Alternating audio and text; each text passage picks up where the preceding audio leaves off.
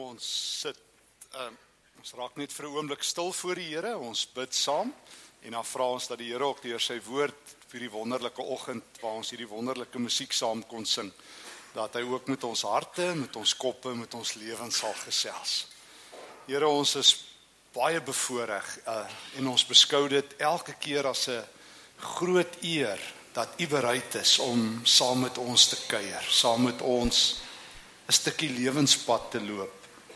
Here, daar's baie mense op ons lewenspad, familie, vriende, kollegas, mense wat ons net so nou en dan ontmoet.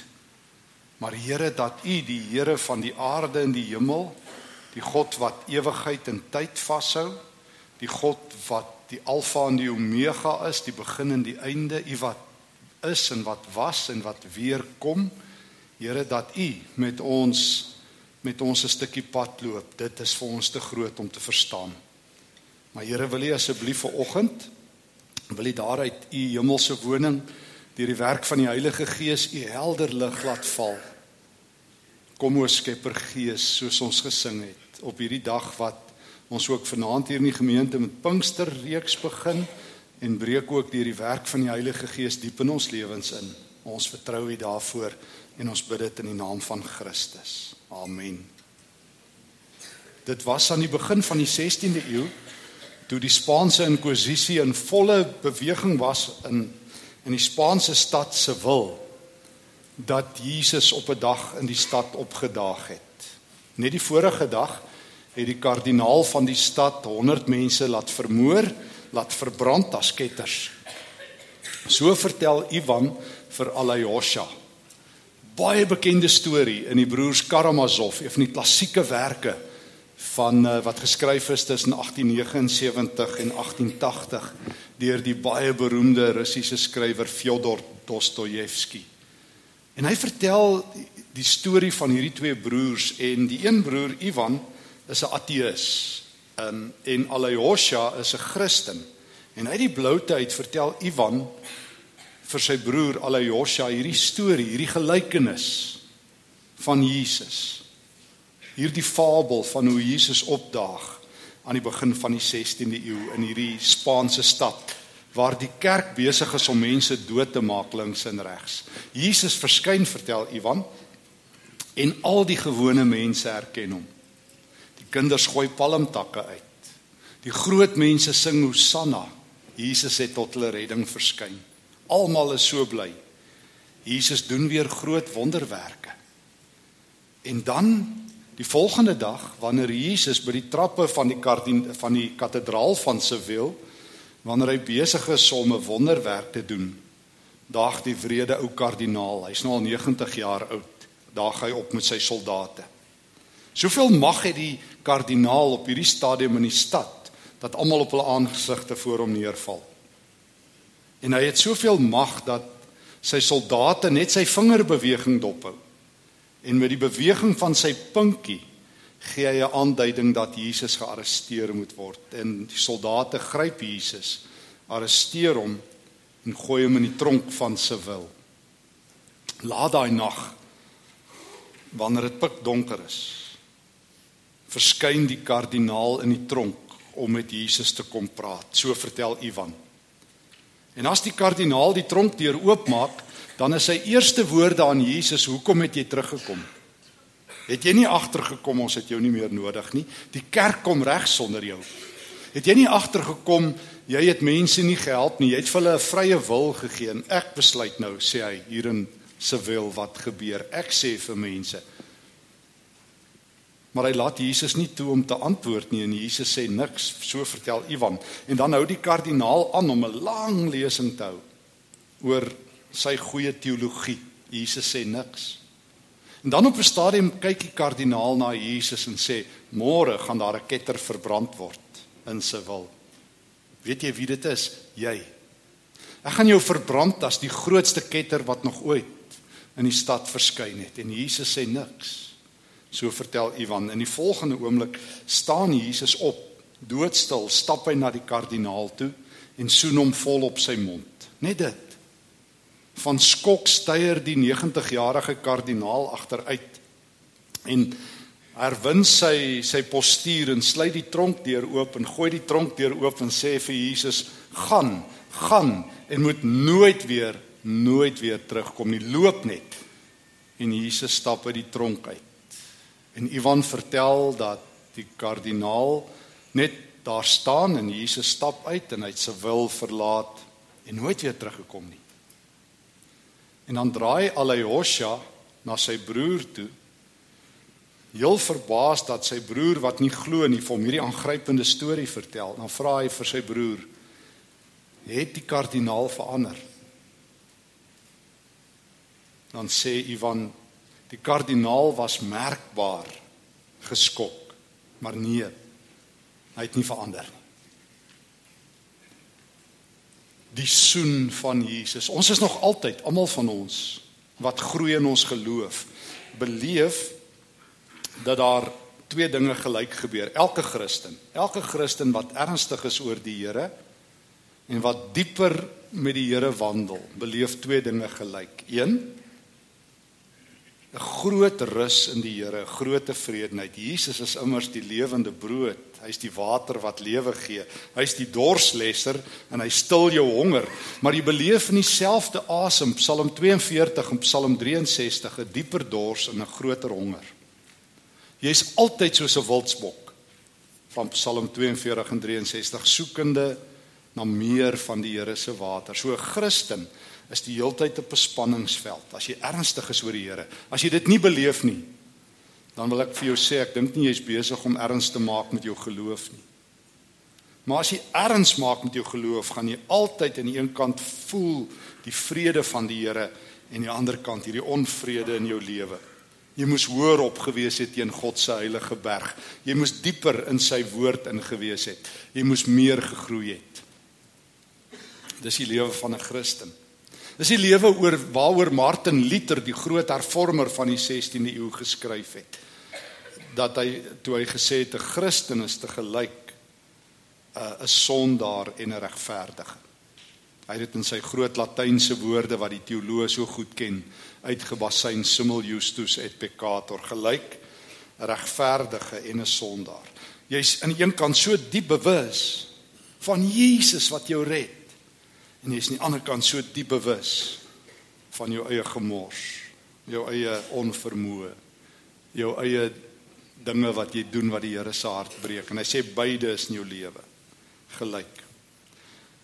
Ek sê altyd vir myself dit is soos as ek 'n dag dalk uh jy en ek sien hom ons het 'n dag in die veld geloop en of in jou tuin gewerk en jy stap laat aand in jou huis in en ewe skielik sien jy maar my wêreld kyk net hoe sit die modder aan my skoene en kyk net hoe vuil is my hande. Maar al wanneer jy dit agterkom is as jy nader kom aan die lig. Donker laat jou nooit donker sien nie. Dis die lig wat jou die donker laat sien. So meer jy in God se lig inkom, hoe meer kom jy jou gebrokenheid, jou stikkindheid jou hulpeloosheid, jou hooploosheid agter. Maar daar bly daai dieper smag na die Here.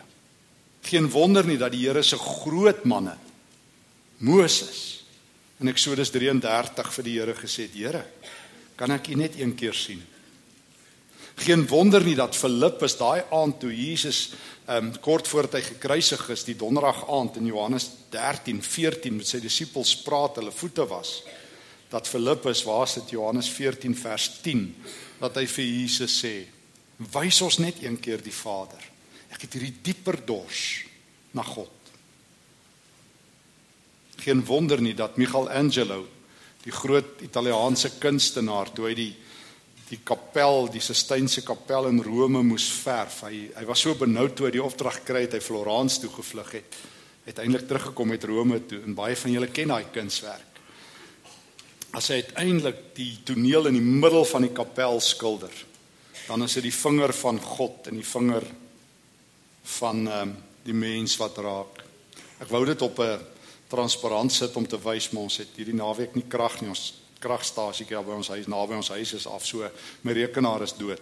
Maar jy onthou daai prentjie waar waar God se vinger en Adam se vinger. God leun so oor na Adam toe en Adam leun so oor na God toe. Maar die vraag vanoggend hier op die vooroggend van die Pinkster Hoe naby is God aan ons? Is dit die naaste wat God kom? Het jy ook daai dieper honger, daai groter dors na die Here? Jesus vertel vir ons op sy mees aangrypende uh die mees intieme vertelling ooit van God en ek wil saam met jou 'n ou bekende gelykenis herbesoek. Waarskynlik een van die heel bekendste gelykenisse Lukas 15 van Jesus die bekende gelykenis wat ons so verkeerd benoem het die Bybelvertalers en die kerk. Naamlik die gelykenis van die verlore seun, want dit gaan nie oor die verlore seun nie. Ek verstaan net nooit hoe is hierdie gelykenis so benoem nie. Daar's twee seuns, albei is ewe moeilik en ewe omgesukkeld. Maar dit gaan oor God in die gelykenis. Dis die gelykenis van die barmhartige, die jammerhartige Vader. Maar maar jy ken jy ken hierdie verhaal, dis so bekend dis die probleem met iets wat baie bekend is.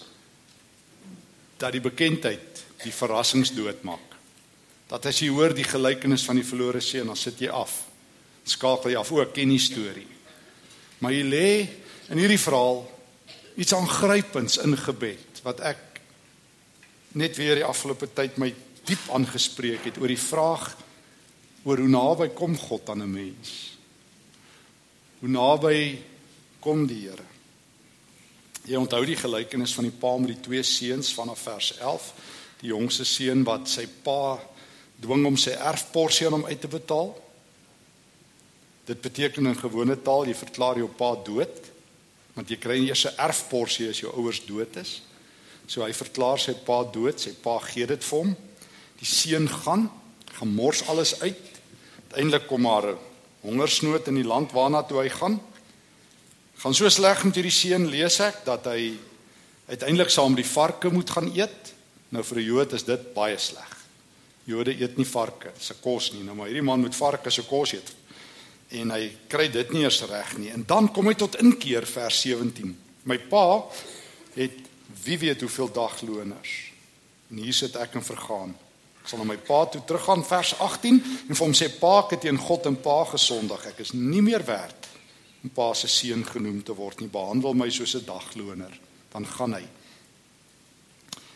En dan die grootste vers in die Nuwe Testament dink ek. Die grootste vers in die hele Nuwe Testament. Sonder twyfel. Die vers wat die minste gelees en die minste gehoor word waar Jesus stap vir stap vir stap sy Vader se hart ontbloot. Om die vraag te antwoord hoe naby is God? Aan jou. Hoe naby kom God aan 'n mens? En ek sê weer, ek dink hierdie is die bes vergete vers. Die groot gelykenis het ons oë toegemaak vir hierdie vers. Vers 20. Toe hy nog aankom, het sy pa hom gesien. Dis die eerste die eerste. God sien.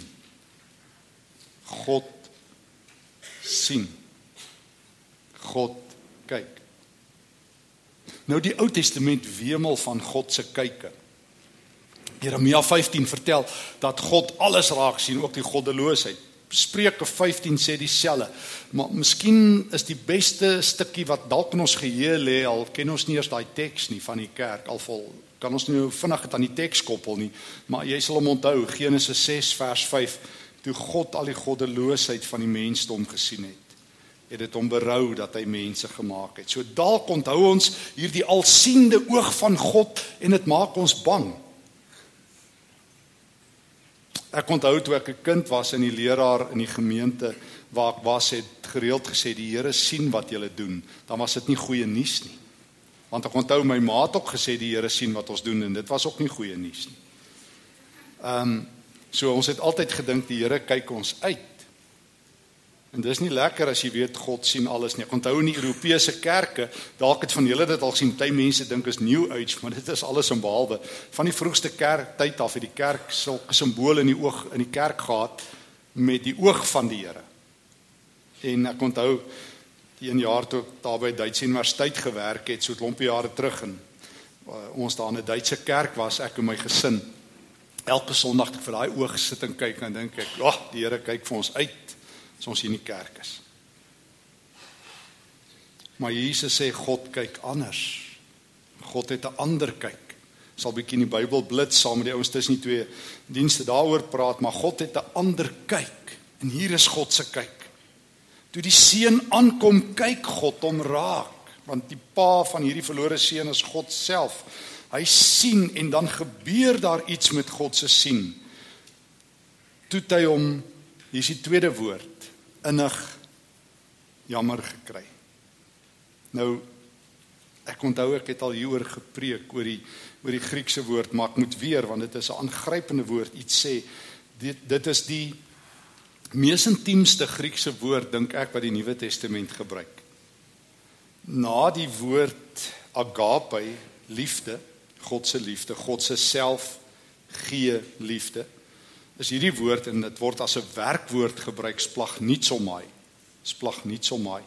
Die Grieke ken ook die woord vir die hart behalwe kardia ook die woord splagna wat die diep binnekant van die hart wys maar splagnietsomai is daai daai werkwoord wat sê ek hier binne my roer alles van emosie ek voel so diep dat my ingewande ruk dis wat dit eintlik letterlik beteken het in die ou Griekse tekste vir eeue voor Christus dat jou ingewande begin roer van emosie dat jy so diep voel, so diep medelee het, so diep seer kry saam met mense, so diep bly is dat dit nie net met jou kop is nie, maar met jou diepste emosies. En dit is aangrypend. Onthou ek toe toe ons 'n paar jaar terug hier by stil gestaan het by Jesus se invoelhart dat alles wat Jesus doen begin amper met splag nie somai. Ek onthou in Markus 1 daar vers 40 44 rond as daai malaatse na hom toe kom en van vra Here as u wil kan u my gesond maak? En malaatses is 'n geen toegangbordjie. Kan nie naby malaatses kom nie. En Jesus stap in 'n ou se spasie in en Jesus se hart skeur. Hy splag nie somai Jesus se hart lek en hy sê ek wil. Jesus het so 'n hart 'n splag nie somai hart In Lukas 7 is Jesus daar deur die Galileese dorpie van Nain stap en hy sien 'n weduwee wat aan 'n begrafnisstoet stap en hy sien haar enigste seun is dood. Rem Jesus, stop hy. Stap hy na die na die draagbaar toe waar hy seun uitdra en maak hom lewend. In Mark Matteus 9 vers 36 as Jesus so na die skare kyk wat so skape sonder 'n herder is. Dan sê Matteus dan splag nie som hy dan breek Jesus se hart van liefde, van seer kry. Hy kry mense so intens jammer, hy wil hulle net vashou. Dan staan daar aan Jesus se hart het geskeur want hulle so skape sonder 'n herder. Markus 6 en weer in Markus 8 as Jesus die brood vermeerder, as hy die skare sien, dan breek sy hart as hulle honger is. So sy hart breek sy onrein mense sien, as hy honger mense sien. As hy mense sien wat sonder hoop is. In Matteus 20, as Jesus daar uit Kapernaum uitstap, ekskuus uit Jerigo uitstap op pad Jerusalem toe om gekruisig te word. As hy so by die dorp uitstap, skree die twee blindes vir hom seun van Dawid, ontferm U, help ons. En almal maak hulle stil en Jesus se hart breek. Hy splag nie som my. So Jesus het hierdie lekker hart, hierdie liefde hart. Hierdie hart wat as hy dooie mense sien ly en as hy honger mense sien ly. En as hy blinde mense sien ly. En as hy verlore mense sien. Nou waar kry Jesus hierdie hart? Hoe hy die hart van God en vir die eerste keer in die Nuwe Testament of in die Ou Testament vir die enigste keer hoor jy God het die hart wat splag nie som hy toe die Vader die kind sien terugkom toe hy hom sien toe breek sy hart. Toe breek God se hart. Dis God. Dis God in volkleur en toe hardloop God toe hardloop God. So God het 'n hart van liefde. God het 'n hart, so vertel Lukas 15, wat lek. Toe doen hy 'n derde ding, so hy sien sy hart breek. Nou moet jy onthou hierdie is 'n ouetjie wat alles opgemors het. Hy het sy pa dood verklaar en hier begin die pa te hardloop. Wat nog 'n derde skok is, hy het hom gesien, hom jammer gekry en toe hardloop hy. God hardloop nie. Hy sit. Openbaring 4, hy sit op sy troon. Jesaja 6. Maar hierdie keer kan God nie sit nie, hy hardloop. Dis die enigste keer in die Bybel dat jy hoor God se hart breek en dis die enigste keer in die Bybel wat jy hoor God hardloop na mense. Toe mense hardloop na God toe. Nie hierdie keer nie, hardloop God eerste. Hy hardloop na 'n stikkende mens, na 'n droogmaker, 'n lieplapper, 'n lewensopmorser. Hy hardloop na hom toe. En in die Bybelse tyd hardloop edelmanne nie, dis 'n adelike hierdie man maar hy hardloop want hy weet die kans is dat die oudste seun hom kan beetkry, hierdie jongste boetie en homself kan doodmaak. Hy weet Deuteronomium 21 kan inskop. Deuteronomium 21 sê kan kinders wat hierdie skandes in jou bring oor jou bring doodmaak, letterlik. In die Romeinse en Griekse tradisie in daai tyd toe Jesus op aarde was, kon jy sulke kinders doodmaak. Trouwens, die reg om jou kinders as slawe te verkoop was in volle swang in daai tyd. Dis eers in die 6de eeu na Christus opgehef deur keiser Justinianus. Jy kon hierdie kinders doodmaak. Ouers sou nie skuldig bevind gewees het nie. En daarom wil die pa keer dat sy oudste seun by hierdie man uitkom. Hy hardloop en dan en dan omhels hy hom. Daar staan letterlik in die Grieks uit om om die hals, uit om om die nek geval. Dis 'n idioom, dis beeldspraak. Jy hoor nog iets van God. Jy hoor God sien Is hierdie nie aangrypend nie dat hierdie teks net weggeraak het in die Nuwe Testament? God sien God se hart lek, hy breek sy diepste medelee, hy hardloop, God val iemand om die nek. Jy het dit nog nooit gehoor dat God iemand kom omhels nie.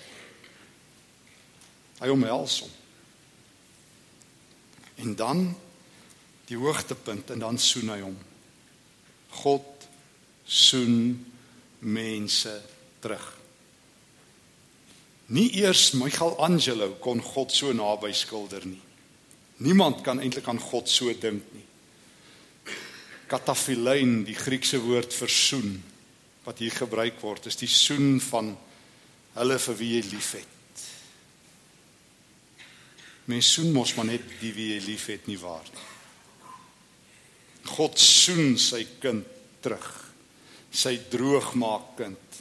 Hier het jy God in die volste kleur wat jy God ooit sal kry. Nie die God wat die wêreld het, nie die God wat dikwels in die kerk ook selfs is nie, die harde God, die terugkry God. Ek onthou nog die preek wat wat ehm um, die beroemde um, revival prediker gepreek het wat in die kerk so dikwels herhaal is in my kinderdae van sinners in the hands of an angry God.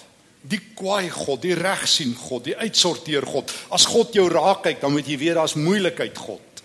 Hy gaan vir jou uitkyk en stikkend kyk.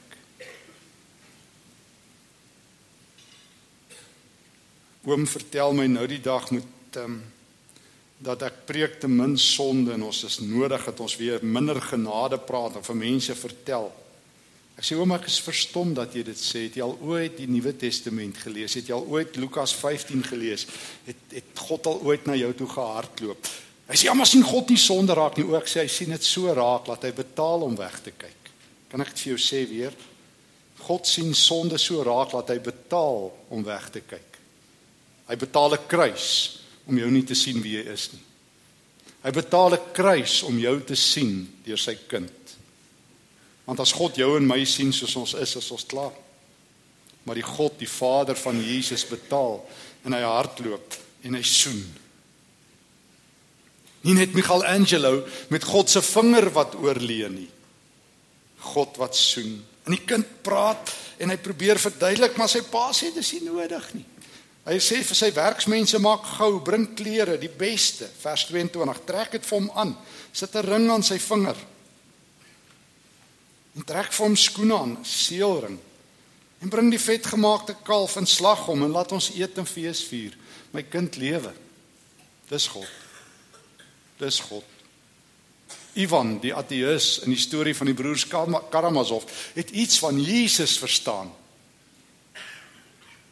Dat Jesus dooies lewendig soen. Dat God wegloop kinders feesklere aantrek. Nee, God kom nie met 'n rotang nie. Hy kom met feesklere. Hy kom met 'n fees. Dis God. So die vraag is nie Moses se vraag kan ek God sien nie. Nie nie ehm um, Filippus se vraag wys ons die Vader nie. Dis om Jesus se verhaal te hoor. God wat mense terugsoen. Een vraag, hoe reageer ek hierop? Hoe reageer ek? Want die kardinaal het nie verander nie. So vertel Ivan vir alle Josha, maar net in 'n paar sekondes Lukas 10 uh, Lukas 7, dis hoe hy reageer. Jesus vertel of of Lukas vertel vir ons van nog 'n storie, maar dis 'n ware storie wat afspeel. Hierdie is 'n gelykenis van Jesus. Ons lees die bekende storie, baie bekend. Um een van die aangrypende stories van Jesus Lukas 7 vanaf vers 36. Jesus eet by 'n beroemde bekende plaaslike fariseer. En dan bars hierdie sondares, hierdie vrou wat waarskynlik 'n prostituut is daarin. En ons lees in Lukas 7 vers 38 sy toe agter by Jesus by sy voete gaan staan en huil en haar trane het op sy voete gedrup, hoor nou. Toe sy dit met haar hare afgedroog en hulle gesoen en met reukolie gesalf. Oor die soen van God word beantwoord met die soen van die sondares. Sy soen Jesus se voete. Die naaste wat 'n sondares, kan jy dink? Kan jy dink? Kan jy dink? Die heilige God, Christus is op aarde. Hierdie vrou is 'n straatvrou. Ons het al vir mekaar gesê Die feit dat haar hare los is, dis hoe hulle hulle werk geadverteer het. Dis hoe jy geweet het wat se beroep het sy. En dat sy 'n verleidster is en al wat sy het is met haar sonde advertensiebord, haar los hare die Here se voete af te droog. Dis 'n ironie op 'n ironie op 'n ironie. Sê Here, ek kan nie eers ek het nie eers iets wat rein is. En in Joodse tradisie maak sy Jesus al hoe meer onrein. Ehm um, as jy Joodse wette sou geken het, as so 'n vrou aan jou raak, is jy onrein. En en dan is Simon die Fariseer woedend want hy kyk met 'n ander oog. Hy kyk nie met die oog van God nie. Dan vra Jesus vir hom, ehm um, vers 44, Simon, sien jy hierdie vrou? Ja, ja, ek sien haar. Sy's 'n sondares, sy's 'n vieslike mens. Sy doen vieslike werk. En Jesus sê nee. Simon, Ek het in jou huis gekom en jy het nie vir my water gegee nie, maar sy met trane het sy my voete nat gemaak en met haar hare het sy dit afgedroog. 'n Soen het jy my nie gegee nie. Jy's te godsdienstig, jy stik in jou godsdiens. Jy kan nie eens meer vir God terugsoen nie. Maar sy, maar sy hoor mooi. Vandat sy erin gekom het, hou sy nie op om my voete te soen nie. My kop het jy nie met olie gesalf nie, met reukolie het sy dit gesalf. Ek sê vir jou, haar sondes wat baie is, is vergewe. Daarom bewys sy liefde. En dan praat Jesus vers 48 en sê vir die vrou, jou sondes is vergewe en vers 50 jou geloof het jou gered. Vraag is hoe naby is God aan jou? Wat sal hy doen om jou by hom te kry? Hy sal kyk Hy sal innig jammer kry. Hy sal hardloop. Hy sal omhels. Hy sal soen en 'n fees aanlê. Vraag is hoe reageer ek as 'n as iemand wat deur God gegryp word soos hierdie vrou. En sy het waarskynlik meer sondes as ons almal saam in hierdie gebou. En al wat sy kan doen is om dit na Jesus toe te bring en sy voete te soen. So lyk vir my dis wat jy en ek moet doen. Ons moet op ons knieë wees. Ons moet ons moet doen wat Maria doen in Lukas 10 vers 38 tot 42. Onthou julle as Jesus by Martha en Maria kuier, kom sit sy aan Jesus se voete. Daar is jy veilig. Martha hardloop rond en probeer kos maak en Jesus sê los dit. Kom leer by Maria, kom sit aan my voete. Dis die beste deel. Kom doen wat hierdie vrou doen. Kom sit aan my voete. So my enigste vraag is nie wat jy gaan doen vir die Here nie, maar waar jy sit vandag. Vergeet om vandag iets vir die Here te gaan doen. Al wat hy vra, kom sit aan my voete. Want ons kan so besig wees soos dienende Martha. En ons kan so arrogant raak soos die godsdienstige fariseer dat ons vergeet al wat jy moet doen om aan Jesus se voete te sit. Los alles. Hou op met jou groot vrae. Kom sit net aan sy voete. Kyk na hierdie vrou. Sy het my voete gesoen, sê Jesus. Kyk na die verlore seun. God het na hom toe gehardloop en hom gesoen. So die vraag is: Hoe naby is God aan jou? Hy soen jou terug. Die vraag is: Hoe naby is jy aan God? Sit jy aan sy voete en soen jy sy voete? Die mees intiemste oomblik van God in die Nuwe Testament en die mees intiemste reaksie. Dis waar God ons wil hê. Ivan vra toe vir alle Josia die kardinaal verander nee hy het nie. Hy was merkbaar geskok en dan dan dan vertel Dostojewski besluit ehm um, ehm um, alle Josia aan daai oomblik as sy broer vir hom hierdie storie vertel dan dan dan leen hy oor en die volgende gesoen hy sy eie broer wat ateïs is en dan ruk sy broer terug en hy's baie kwaad net soos die kardinaal dan sê hy op sy broer los dit gaan weg soos wat die kardinaal Jesus weggejaag het Maar ek sluit af, maar onthou jy daar's nie vroeë kerk roep gewees. Maranatha, kom Here. Kardinaal sê, "Gaan Here, moet nooit weer terugkom nie." Maar wanneer hy aan Jesus se voete gesit het en wanneer hy aan sy voete bly, roep hy uit, "Maranatha, kom Here. Kom Here. Kom Here." En dis genoeg. Dis al wat jy moet doen. As plek aan Jesus se voete, God hardloop na jou toe. Moet nooit vir Jesus sê gaan nie. Sê elke dag Maranatha. So begin ek my lewe elke dag. So probeer ek bid. So probeer ek my aande afsluit. Maranatha. Kom Here. Daar's plek. Amen. Baie dankie Here dat U nie ver is nie. Naby.